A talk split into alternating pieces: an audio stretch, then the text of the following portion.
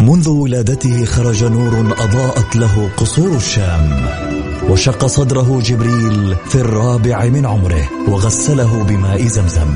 عاش حياته يتيما بلا أب وفقد أمه في عمر السادسة وبوجوده ورسالته وأخلاقه تغير معه العالم وأصبحنا نسير على سراجه المنير. الآن السراج المنير مع فيصل الكاف على ميكس أف أم. ميكس أف أم هي كلها في الميكس.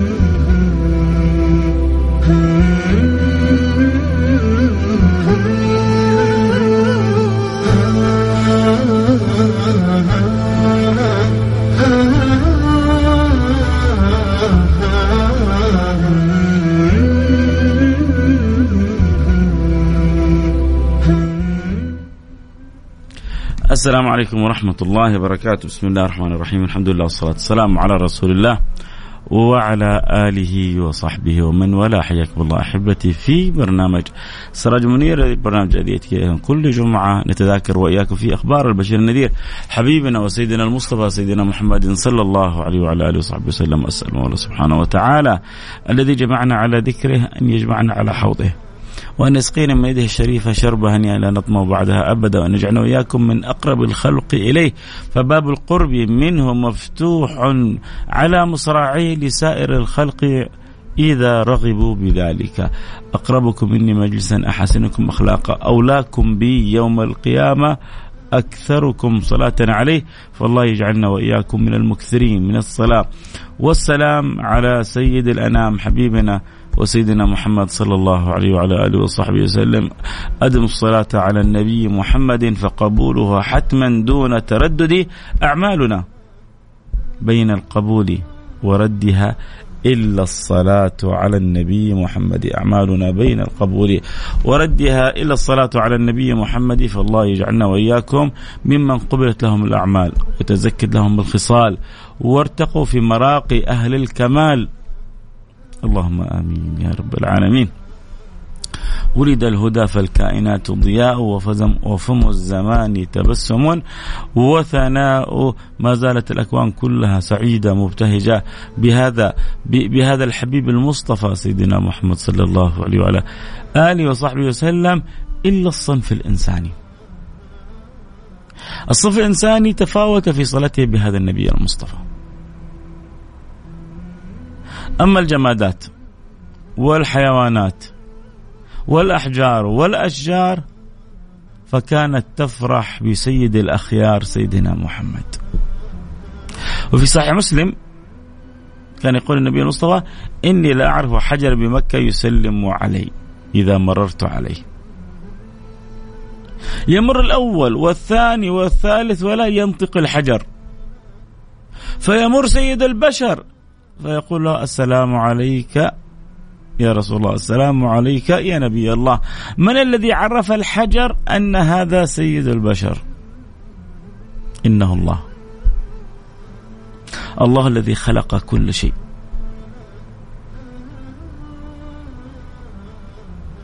خالق الأرض والسماوات.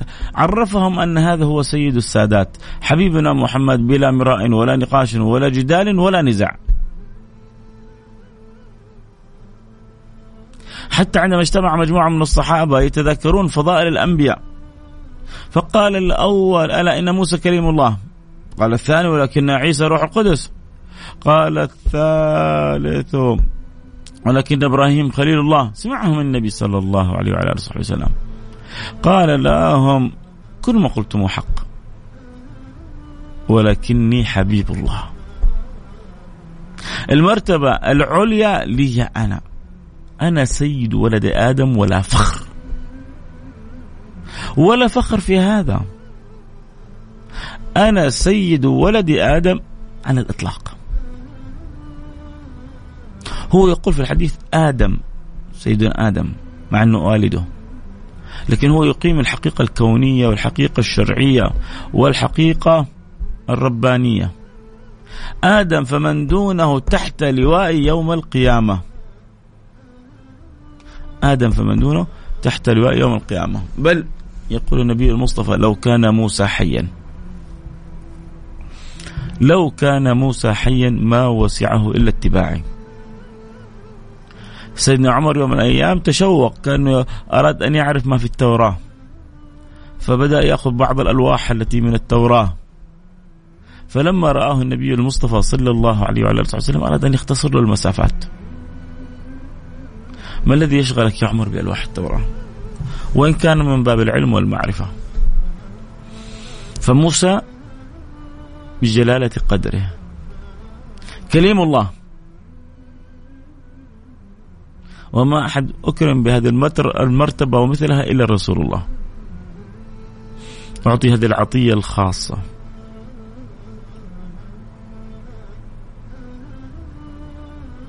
هو أراد مرتبة أعلى منها. وهنا مسألة جدا جدا جدا مهمة.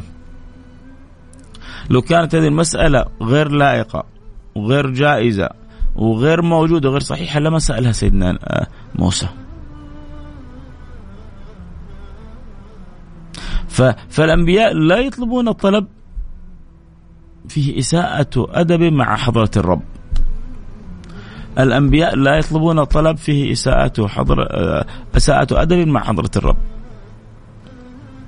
ولكن لما علم سيدنا موسى أن ذلك بالإمكان طلب من الرحيم الرحمن أن ينظر إليه. ربي أرني أنظر إليك. فجاء الجواب لن تراني ولكن انظر إلى الجبل. فإن استقر مكانه فسوف تراني. فلما تجلى ربه للجبل الله! لا الجبل ولا سيدنا موسى ولا استحملوا تجلي الله على الجبل فكيف؟ بالنظر إلى وجهه. ولكن نكرم بالخصوصية الخاصة وكلم الله موسى وكلم الله موسى تكليما. وكلم الله موسى تكليما. آه طبعا اللي حابب يتابع الحلقة صوت وصورة يقدر ينضمون على التيك توك @فيصل كاف على التيك توك @فيصل كاف. وكذلك اللي يحبوا أن يبحروا معنا في بحار السيرة وليالي رجب والإسرة والمعراج والمخبى فيها من الخيرات. كذلك فرصة أن يقول لكل أحبابهم عبر الواتس عبر وسائل السوشيال يكونوا معنا سواء عبر الأثير عبر التطبيق تطبيق مكس إف إم أو كذلك على آه، صفحتي في التيك توك @فيصل كاف F A I S A L K A F 1 فيصل كاف 1 أو بالعربي أظن فيصل كاف الشاهد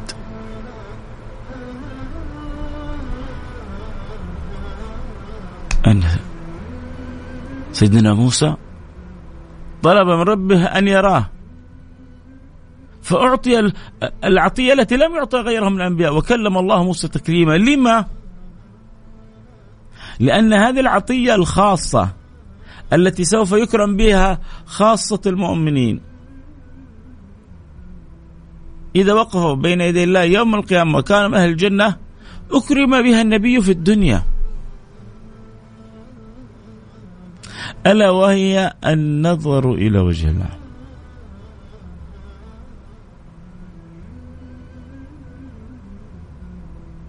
فسيدنا محمد كما جزم ابن عباس رأى ربه.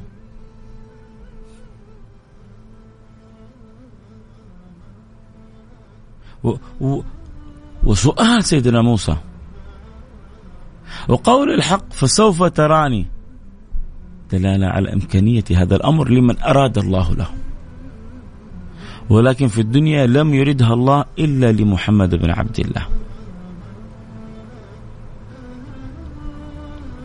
على خلاف طبعا في المسألة بين سيدتنا عائشة وبين سيدنا آه، ابن عباس ولكن ما يخفاكم القاعدة الأصولية من أثبت قدم على من نفى ولكن آه، الأمر قد يكون في خلافه وفيه سعة. من أخذ بقول سيدنا عائشة فبه ونعم ومن أخذ بقول سيدنا ابن عباس فبه ونعم.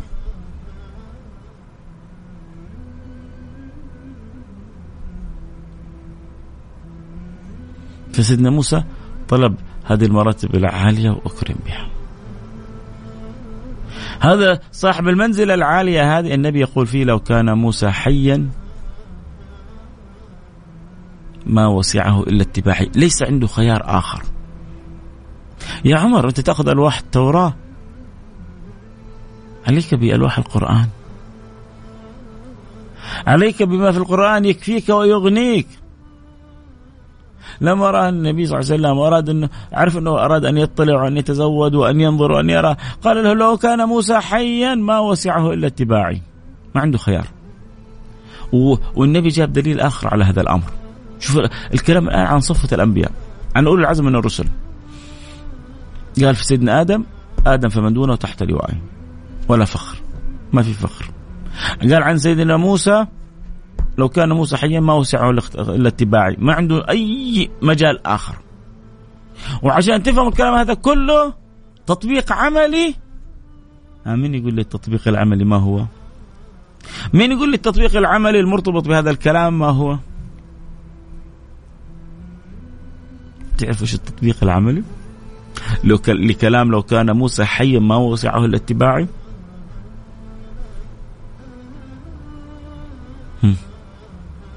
مين يقول لي ارسل رسالة على الواتساب يلا. على الرقم صفر خمسة أربعة ثمانية ثمانية واحد واحد سبعة صفر صفر. نشوف المستمعين متفاعلين ونشيطين ولا فقط آه، متابعين صامتين. إيش التطبيق العملي على قول النبي لو كان موسى حيا ما وسعه إلا اتباعها؟ مين يقول لي؟ اللي معاي في التيك توك. المتابعين. إيه، إيش إيش التطبيق العملي الدلالة العملية على كلام النبي لو كان موسى حيا ما وسعه الاتباع خلونا نشوف أحد أرسل على التيك توك ولا الجواب صعب. إيوه على رقم صفر خمسة أربعة ثمانية ثمانية واحد واحد سبعة صفر صفر.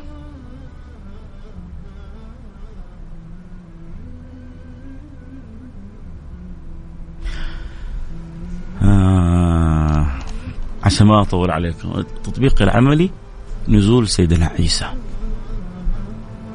نزول سيدنا عيسى يوم ال... يوم في في آخر الزمان.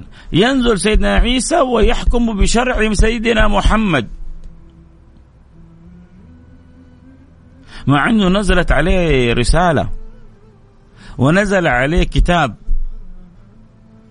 لكن لو كان موسى حيا ما وسعه إلا اتباعه لا موسى ولا عيسى ولا إبراهيم ولا غيرهم من الأنبياء لو كانوا أحياء ما وسعهم إلا اتباعه ولذلك لا يسع سيدنا عيسى عندما ينزل على الأرض إلا أن يحكم بشريعة سيدنا محمد. ومن أول أعماله أن يقطع الجزية وأن يكسر الصليب وأن يقتل الخنزير. منتهى الكلام. يجون لسه ناس نفسهم يجربوا الخنزير نسأل الله والسلامة والعافية. وإلا نفسهم يأكلوا من لحم الخنزير. أو يسمعوا من غير غير المسلمين بهذا اللحم وربما أحد من المسلمين يداخله في قلبه حب التجربة يقول له مسكين. أتستبدلون الذي هو أدنى بالذي هو خير؟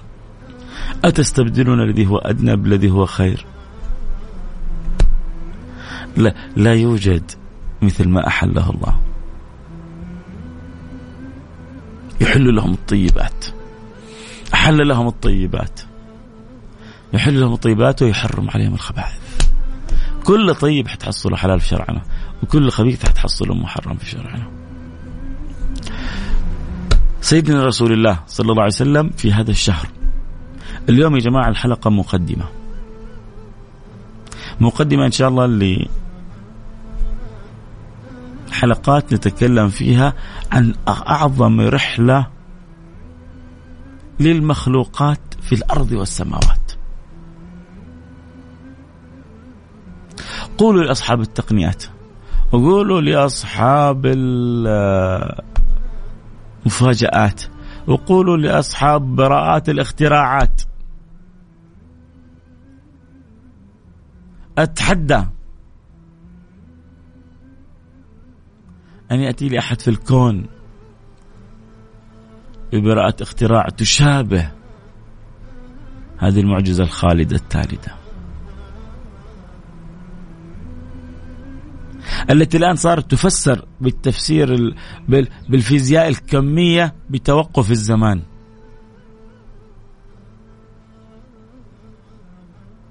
في نوع من أنواع الفيزياء بدأ يفسر ظاهرة الإسراء والمعراج إنه السرعة عندما تصل إلى حد معين يتوقف الزمان.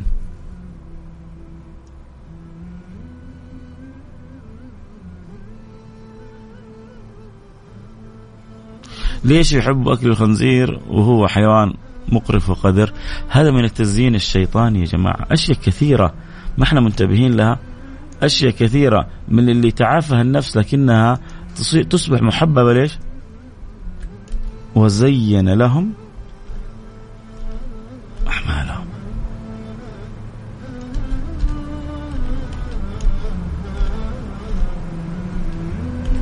فاهمين معنى التزيين هذا؟ هذا التزيين مصيبة. يخلي القبيح محبوب.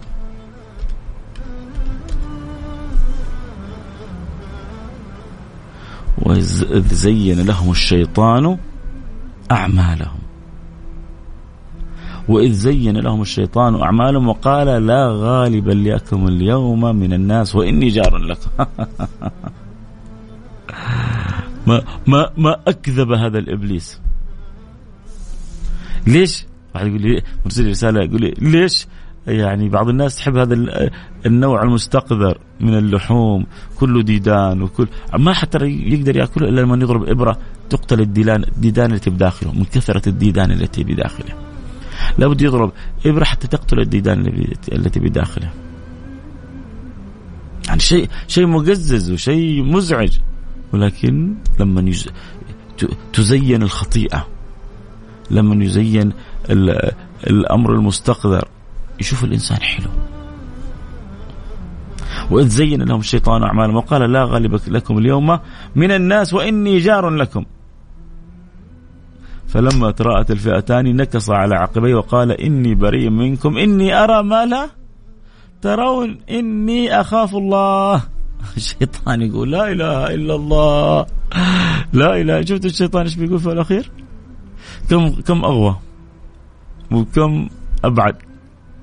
وكم أضل وكم أشغل.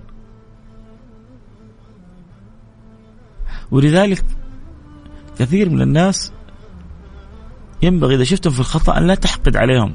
ينبغي أن ترثاهم. ينبغي أن تخاف عليهم وأن تشيل همهم. مساكين. أنت تشوفه تستحجب كيف هو متجبر في الخطيئة. تقول هو ما هو خايف من رب العالمين؟ هو ما هو شايف رب العالمين. انت لانك تربيت تربية صحيحة. هو ينبغي أن لا تحقد عليه. ولا ولا يعني تزعل وتتضايق. ينبغي أن ترثاء وأن تدعو له. مسكين. غلبان. ضحك عليه. ضحك عليه الشيطان. زين له زين له الخطأ. زين له المعصية. زين له السوء. زين له. ينبغي أن يكون كل تفكيرك كيف تأخذ بيده. كيف تدعو له دعاء يقبله الله فيصلح الله حالك وحاله. يا جماعة ما يصلح الأكوان مثل الرحمة. لا يصلح الأكوان مثل الرحمة. لا يصلح الأكوان مثل الرحمة. وسيد الخلق كان أرحم الخلق. الراحمون يرحمهم الرحمن. أيوه بس هذا؟ آه، يعمل كذا ويفعل كذا. لما قلبك يمتلئ رحمة تأسر من حيث لا يشعر. ذلك الرجل الذي آه، جاء وبال في المسجد. فجاء الصحابة جاءوا بيضربونه. قلة أدب معلش سامحوني قلة أدب. ما حصلت إلا المسجد وفين؟ المسجد النبوي وتبول فيه. النبي صلى الله عليه وسلم عاتبهم بلطف. وما أحبهم يزعجونه حتى يكمل بولته. ثم بعد ذلك قال لهم أريق أريق هريقوا عليه ذنوبا من ماء. هذا الغلبان المسكين سوى سوى مصيبة ولا ما سوى مصيبة؟ لما شاف الصحابة كيف زعلانين زعلانين منه كانوا يضربونه ولما شاف كيف النبي كان رحمة لا شعوري مسكين. لا شعوري راح عند النبي. قال اللهم اغفر لي ولمحمد ولا تغفر معنا لأحد أبدا. ما يستحقون المغفرة دول اللي حولي. اللهم اغفر لي ولمحمد ولا تغفر يا ربي معنا لأحد أبدا. النبي قال لقد حجرت واسعة. لقد حجرت واسعة. إيش اللي إيش اللي خلى النبي يأخذ بتلابيب قلبه؟ الرحمة. ناس كثير محتاجين من يتعاونوا معهم بالرحمة ناس تعبانة. في ناس تعبانة من الخطأ من المعاصي من الذنوب من الظروف الصعبة من تكالب الأمور من عدم الانفراج من توالي الكرب محتاجين للرحمة. عشان كذا الله قال للنبي وما أرسلناك إلا رحمة للعالمين. الله.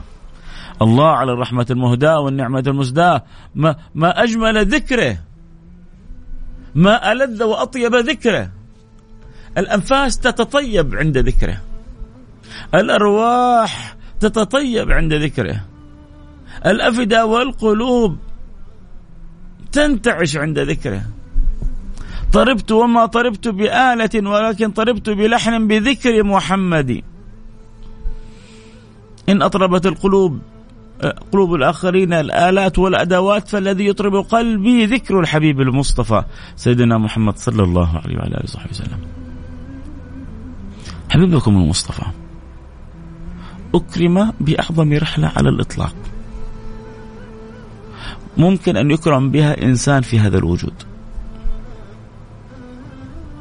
ولو يجلس إيلون ماسك باختراعاته كلها وبأمواله كلها يضخ في براءات اختراعاته لن يصل ولا عشر معشار هذه المعجزة.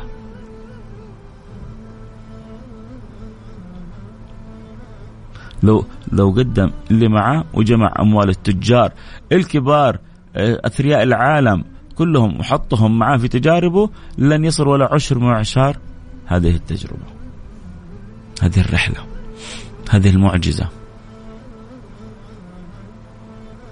أن يأتي البراق.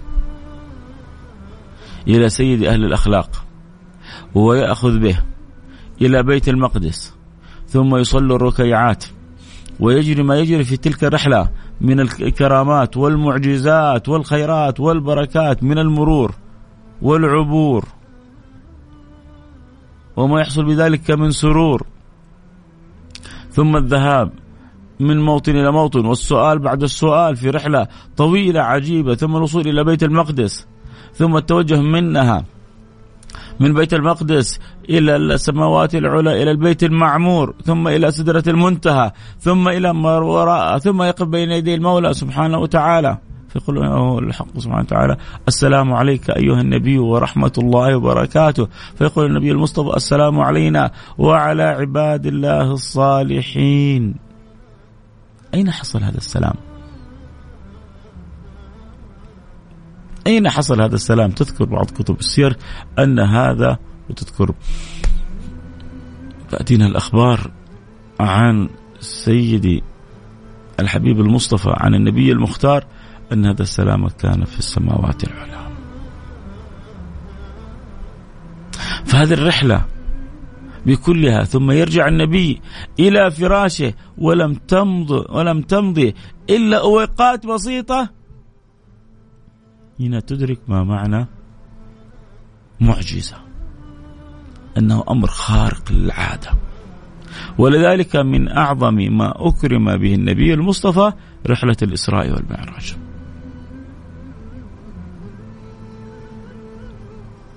هذه الرحلة لعل لعل من أسبابها أنها جاءت جبرا لخاطر السماء.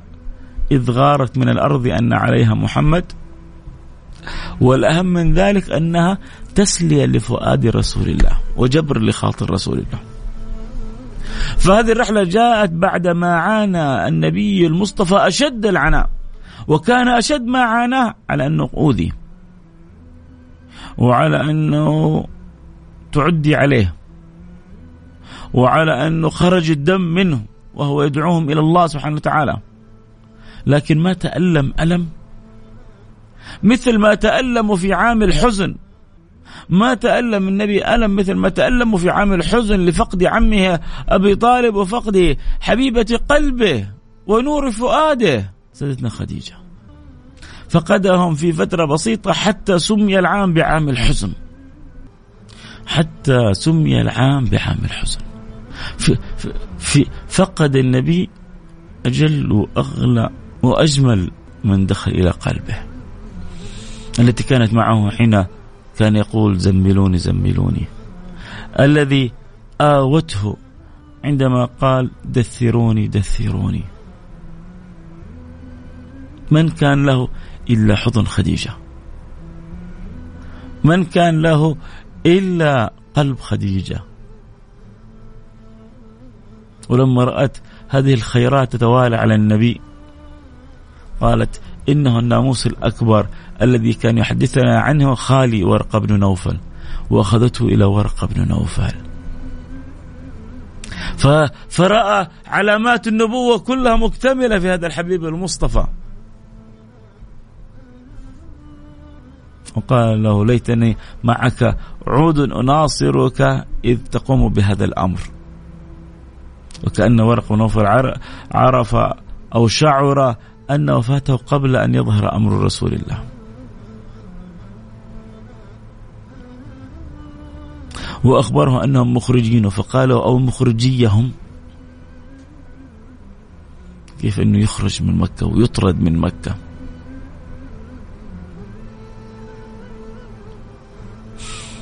خرج من مكة والنبي يقول والله إنك لأحب البلاد إلي ولولا أن قومك أخرجوني منك ما خرجت. فبعد ما حصل ما حصل في الشعب شعب أبي طالب. وبعد ما راح يعرض نفسه على القبائل النبي. ورجع من الطائف وهو في غاية من الهم والغم. ودعا الله سبحانه وتعالى. دعا بذلك الدعاء المبكي المؤثر مؤثر لأن الذي يقوله رسول الله. اللهم إني أشكو إليك ضعف قوتي. وقلة حيلتي وهواني على الناس. اللهم إني أشكو إليك ضعف قوتي وقلة حيلتي وهواني على الناس. إن لم يكن بك غضب علي فلا أبالي.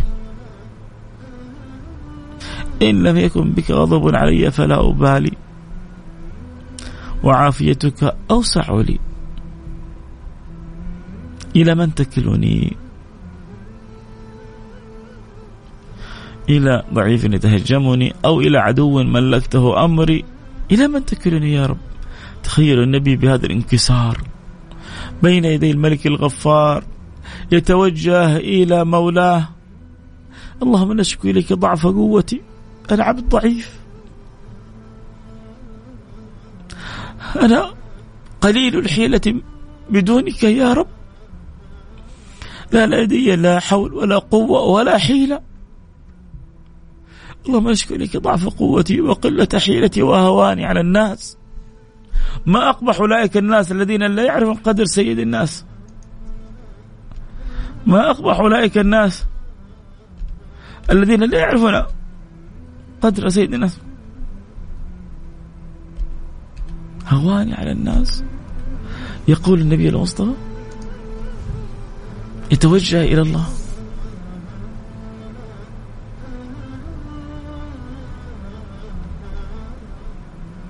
لا إله إلا الله. ما ما ما أصعب هذا الدعاء. لكن لكن حتى يعرف الإنسان أن هذا الطريق لابد فيها من الصبر. وكيف كان سيد الخلق. الشاهد أنه بعد الرحلة هذه وبعد ال بعد ال بعد الآلام هذه التي مرت برسول الله أراد الله أن يري رسول الله أمر آخر. أراد الله أن يسلي فؤاد رسول الله. جمعه بإخوانه الأنبياء. جمعه بأحبابه الأصفياء. اجتمعوا كلهم وقدم عليهم سيدنا محمد والذي قدمه جبريل. فأمهم رسول الله وفيهم سيدنا إبراهيم سيدنا موسى وسيدنا آه، ساداتنا الأنبياء كلهم ومعهم سيدنا عيسى.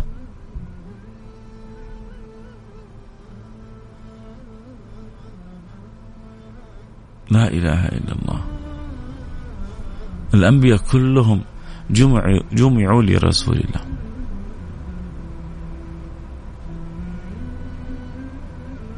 فكانت هذه الرحلة أتت بعد معاناة. عاناها النبي المصطفى.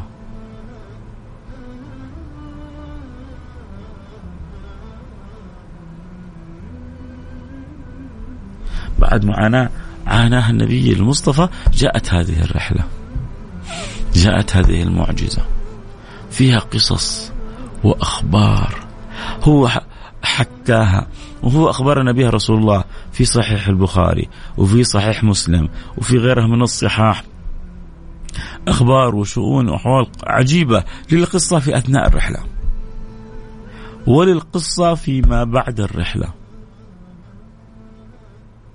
عندما رجع إلى قومه. وفي هذه الرحلة ما بعدها وحولها سمي الصديق بالصديق. ليه حقول لكم ليه إن شاء الله؟ لكن ليس الآن طبعا في تسلسلها في الأيام الجاية. في هذه الرحلة ومن ثمراتها أن سمي سيدنا أبو بكر بالصديق.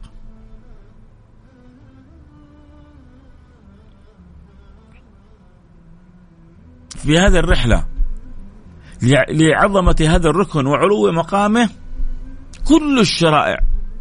ركز معايا. كل الشرائع فرضت في الأرض.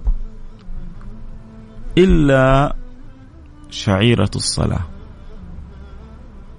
فرضت في السماء. كل الشعائر فرضت في الأرض إلا شعيرة الصلاة. إلا فرض الصلاة فرض في السماء. وفرض علينا خمسين. وعشان كذا بقول لكم لما تقابلوا سيدنا موسى الله يجعلنا وإياكم في من يعني ممن يحشر في زمرتهم. حنقبل راسه ونقبل يده ونقول له شكرا من قلوبنا. جزا الله عنا سيدنا موسى خير الجزاء. جزا الله عنا سيدنا موسى خير الجزاء. اللي كان يقول للنبي سل الله التخفيف سل الله التخفيف سل الله التخفيف. فإن قومك لا يطيقون فإن على قومي فإن قومك لا يطيقون. حتى أنزلها الله من خمسين صلاة إلى خمس صلوات هن خمس في الصلاة وخمسون في الأجر. يعني لما أنت تصلي خمس صلوات تحصل أجر صلوات خمسين صلاة اللي يسأل عن البث يا أحبائي البث مفتوح تقدر تتابع الحلقة صوت وصورة على التيك توك @فيصل كاف F A I S A L K F 1 أو على تطبيق مكس اف ام أو كذلك عبر الأثير.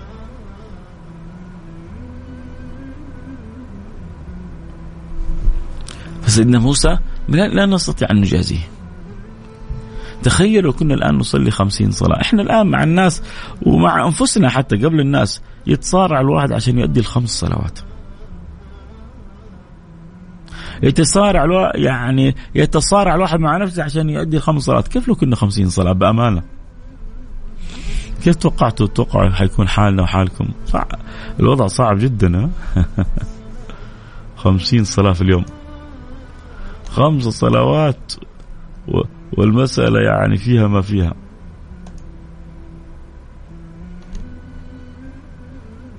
فما بالكم بخمسين صلاة. لكن لطف الله حاصل. والله الذي حرك سيدنا موسى حتى ينسب الفضل إلى سيدنا موسى ويسأل النبي التخفيف ويتردد النبي المرة بعد مرة على المولى حتى يصل إلى الخامسة ثم يقول له ارجع. ولو رجع النبي لربما جعلت لنا صلاة واحدة في اليوم. ولكن النبي استحى وحتى يعلم أن الصلاة أن الخمسه أفضل من الصلاة، لو كانت الصلاة أفضل لا يجعلها الله صلاة واحدة في اليوم. لكن خمس صلوات ترتب لك يومك. الخمس صلوات ترتب لك نومك. الخمس صلوات ترتب لك قومك. الخمس صلوات ترتب لك حياتك. أشياء كثير تترتب بانتظامك في الخمس صلوات وفوق هذا فرق لما أنت تشحن رصيدك مرة واحدة في اليوم ولا من تشحن رصيدك خمس مرات. منطقية ومعقولة. ربما الخمسين يكاد أن تكون شبه مستحيلة أو صعبة لكن الخمسة أن تشحن دائما رصيدك خمس مرات أن تشحن سيارتك بالبنزين خمس مرات أمر منطقي ومعقول ومقبول. تترتب حياتك ويترتب يومك وتترتب شؤونك كلها. أشهد إنه بعد الألام التي عاناها سيدي رسول الله من عام الحزن ومن ذهابه للطائف ذهب للطائف. ثم عرض نفسه على القبائل على قبائل عبد لي آه، عبد يا ليل. وما قبلوا ما عند النبي. ثم بعد ذلك أجبر النبي على مغادرتهم. ثم أغروا الصبيان أن يرموا الحجارة على رسول الله. فأصبحت الحجارة تتوالى على النبي المصطفى حتى دمي عقبه وخرج منه الدم من أثار سيره ولربما عجلة سيره ولربما صعوبة وعورة. تلك الطرق. والنبي عنده كلمة واحدة. خايف عليهم إنه يصيبهم شيء. اللهم اغفر لقوم فإنهم لا يعلمون. الله! إيش النبي ذا؟ مما خلق رحمة خالصة. اللهم اغفر لقومي فإنهم لا يعلمون. يجي بعد ما يرجع عن النبي صلى الله عليه وسلم يجي له ملك الجبال يقول إن الله أرسلني إليك. فبما تأمرني. ما تكلمني. قال أطبق عليهم الأخشبين قال لا. لعل الله أن يخرج من أصلابهم من يعبد الله. لا لا لا لا. لعل الله أن يخرج من أصلابهم من يعبد الله.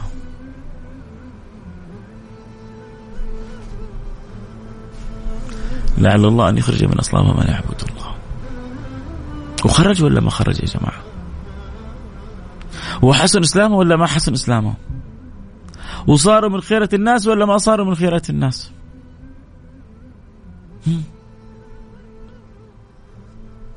كيف لو كان النبي دحى عليهم؟ وبعدين اللي اللي اذن له الله سبحانه وتعالى أرسل له ملك الجبال سوي اللي تبغاه فيهم. سوي اللي تبغاه فيهم. نبغى تبغانا نلغيهم نمسحهم من الوجود في لحظة واحدة نمسحهم. الآن ملك الجبال يطبق عليهم الاخشبين وينتهي الأمر كله. لا. لعل الله أن يخرج من اصلابهم من يعبد الله.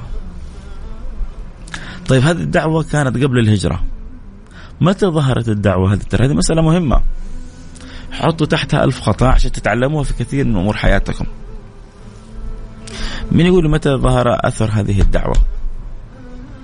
ارسل رسالة على الواتساب على الرقم صفر خمسة أربعة ثمانية ثمانية واحد واحد سبعة صفر صفر. صفر خمسة أربعة ثمانية ثمانين أحد عشر سبعمية. متى ظهر أثر هذه الدعوة؟ يا سلام. أكلمكم كذا التفت إلى قناة القرآن الكريم الحرم الآن المكي متعة متعة الحرمين. اللهم لك الحمد والشكر. عامرة ممتلئة. معمورة بالذكر بالفكر بالشكر. اللهم لك الحمد لك الشكر يا رب.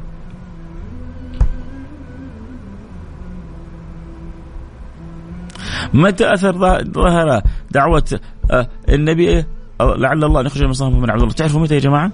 بعد فتح مكة. بعد فتح مكة. يعني ثمانية سنوات وزيادة أو تسعة سنوات عشان يظهر أثر هذه الدعوة. والواحد فينا صار مع ربه اللي يقول يا رب ثاني يوم يقول لك يا أخي ربي ما سوى لي شيء. يا رجل. إيش أنت؟ أنت فاكر ربنا يمشي بنظرك بأمرك بترتيبك؟ ولا فيما فيه الخير لك؟ وفيما يراه هو فيه الخير لك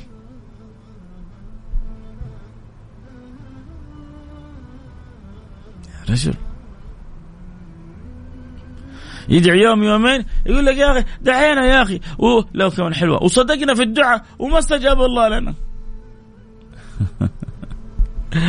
والنبي دعا لهم وبعد ثمانية سنوات أو تسع سنوات ظهر أثر الدعوة. لا وراح النبي يحاصرهم والحصار ما أثر. أقوياء شرسين متحصنين. لكن شوفي كلام أقوى من الحصون كلها. في عبارات أقوى من الحصون كلها. شكرا حبايبي أصحابي في التيك توك يتغزلون بالحب. أدام الله الحب بيننا يا رب وجعله خالص وجه الله سبحانه وتعالى. اللهم من أكرمني بمحبته فادخلنا في دوائر الأحبة وذقنا من كأس الحب أعظم شربة.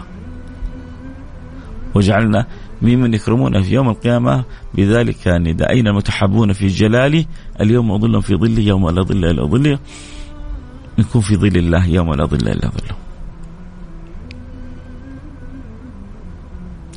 كلامكم الجميل أحيانا يخرج الواحد عن عن نسق الاتصال والتواصل كان نتكلم فيه، شاهد كنا نتكلم عن دعوة النبي لأهل الطائف. راح النبي وحاصرهم شهر. وهو بقوته بعتاده ما قدر. من حيث الظاهر لم يتم تم المقدرة. قالوا نستمر الصحابة. حاصر. بعدين سمعوا كلام النبي. لما أثخنتهم الجراح سمعوا كلام النبي ورجعوا. النبي بدعوة واحدة. قال اللهم أتي بهم مسلمين. قبل الهجرة عرض عليه الجبال أن ينسفهم ما نسفهم. بعد الفتح راح عندهم وما جاء. دعا الله اللهم أتي بهم مسلمين. ما مرت سنة واحدة إلا وأسلم كل ثقيف عن بكرة أبيهم. كل بني ثقيف عن بكرة أبيهم أسلموا. اللهم أتي بهم مسلمين. انتهى الكلام. جاء الله بأهل الطائف بقضها وقضيضها وكلهم أسلموا لله سبحانه وتعالى. حياكم الله. الله يجبر بخاطركم. عموما إذا رحلة الإسراء والمعراج كانت نوع من التثبيت لفؤاد النبي إدخال السرور على قلب النبي جمعه بإخوانه والمؤمن يفرح بإخوانه والنبي يفرحون بأحبابه من الأنبياء. فجمعه الله بإخوانه أراه منزلته بينهم.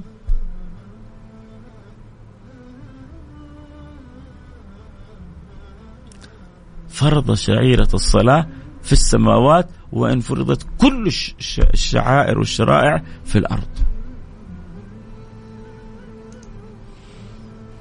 الله يصلح الأحوال. دعواتكم. وأنا إن شاء الله ما أنساكم من الدعاء. لأنه عدد من الرسائل أرسلت لي وقالت لا تنساني من الدعاء. وأنا أقول لكم لا تنسونا أنتم من الدعاء. مستمتع بالسيرة العطرة وكلامك الجميل كالعادة. أخوك أبو عمر من جيزان. حياك يا أبو عمر. آه هذا أفضل يوم أشتغل. آه واحد بيشتغل في شيء من التطبيقات. يقول لي هذا أفضل يوم أنا أشتغل فيه في هذا التطبيق عشان أستمع لك موسى. موسى حبيبي لي الشرف أن تستمع لي. والله يبارك لك في أوقاتك كلها ويرضى عنك ويصلح لك حالك. آه، ما أبغى أطيل أكثر إن شاء الله الرحلة القادمة والحلقة القادمة نتكلم أكثر عن بدايات الإسرة والمعراج ثم لعل الحلقة اللي بعدين نتكلم عن النهايات وما حصل من كفار قريش والقصص المتعلقة بالإسرة والمعراج. فيها عظة وعبرة. النبي مر على أقدام يشدقون أفواههم مر على آه، أقوام مغموسين في النار مر على أقوام فقصص وحكاية. كلنا إن شاء الله حنتعرف عليها في المرة القادمة بإذن الله سبحانه وتعالى. كونوا معنا وكونوا على الموعد وذكروا من تحبون. وإن شاء الله يعم الخير للجميع بإذن الله سبحانه وتعالى. كالعادة نختم حلقتنا بالدعاء، ندعو لأنفسنا، ندعو لأهلنا، لمجتمعاتنا، لأوطاننا، لمليكنا، لكل من نحبهم إن الله سبحانه وتعالى يرضى عنهم ويصلح لنا ولهم أحوالهم ويجعلنا من الموفقين اللهم آمين. نتوجه إلى الله وهو حاشا ان يردنا خائبين أو غير مقبولين وهو أرحم الراحمين. الحمد لله رب العالمين. اللهم صل وسلم على سيدنا حبيبنا محمد وعلى آله وصحبه أجمعين. يا أكرم الأكرمين يا أرحم الراحمين أسألك يا خالق الأرض والسماوات يا من بيده ملكوت كل شيء. أن ترضى عننا وأن تصلح لنا حالنا وأن ترزقنا التوبة قبل الموت وشهادة عند الموت ومغفرة بعد الموت وعفو عند الحساب وأمان من العذاب ونصيب من الجنة وأن ترزقنا النظر إلى وجهك الكريم يا كريم وأن ترزقنا النظر إلى وجهك الكريم يا كريم وأن ترزقنا النظر إلى وجهك الكريم يا كريم وأنت راضي عنا وأن ترحمنا برحمتك الواسعة إنك أرحم الراحمين أنت أسألك يا رب العالمين أن تصلح لنا أولادنا بناتنا وأهلينا وأحبابنا ومجتمعاتنا وأن تجعلنا وإياهم كما تحب وترضى وترزقنا الاستقامة وتجعلها لنا أعظم كرامة. ارزقنا الاستقامة في أحوالنا وأخلاقنا وصفاتنا ومعاملاتنا كلها. وارحمنا برحمتك الواسعة. إنك أرحم الراحمين. اللهم إنك لا تخيب من دعاك ولا ترد من رجاك. نسألك ونحن في هذه الساعة أن تحفظ لنا بلادنا من كل سوء من كل مكروه. أن تحفظ لنا الحرمين الشريفين من كل سوء من كل مكروه. أن تلبس خادم الحرمين الشريفين. ثوب الصحة والقوة والعافية. وأن توفقه لكل ما تحبه وترضاه وتقر عينه في ابنه. وحبيبه وولي عهده وتجعل كل ما يقوم به في خدمة الإسلام والمسلمين في خدمة بلادهم ومن فيها من المقيمين والمواطنين. ونسألك يا رب العالمين أن تسدد لهم الخطأ وأن تعينهم وتوفقهم وتؤيدهم وتلهمهم وكل من وليت أمر المسلمين كلهم يا رب. خذ بأيديهم وفقهم أعنهم لكل ما فيه خير لخدمة العباد والبلاد. اللهم وما حل بإخواننا من الزلازل والأذى والتعب والابتلاء. اللهم نسألك أن تريم عجائب لطفك بهم اللهم إن كان ما زال أحد تحت الأنقاض ف أعني القائمين على إزالة تلك الأنقاض حتى تعود لهم الحياة. اللهم اختر من اخترتهم عندك فتقبلهم عندك شهداء. ومن كانوا مرضى فأكرمهم بحسن الدواء. وذهاب الداء. وإن أعظم الداء الصدمة التي رووها بعض الأحياء أمام أعينهم. فاجعلهم يتجاوزون هذه الصدمات. والطف بهم فيما بقي من الأوقات. وأنت راضي عنا وعنهم وعن جميع الخلق وعن جميع المسلمين. يا رب العالمين ارحمنا برحمتك الواسعة اللهم والطف بنا وهم فيما يقبل من الأيام. نعوذ بك من الزلازل نعوذ بك من الفتن نعوذ بك من المحن. ما ظهر منها ما بطن. ألطف بنا في جميع أمرنا وأنت راضي عنا. واصلح لنا حالنا. واحسن خاتمتنا.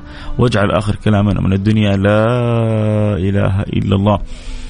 محمد رسول الله صلى الله عليه وسلم.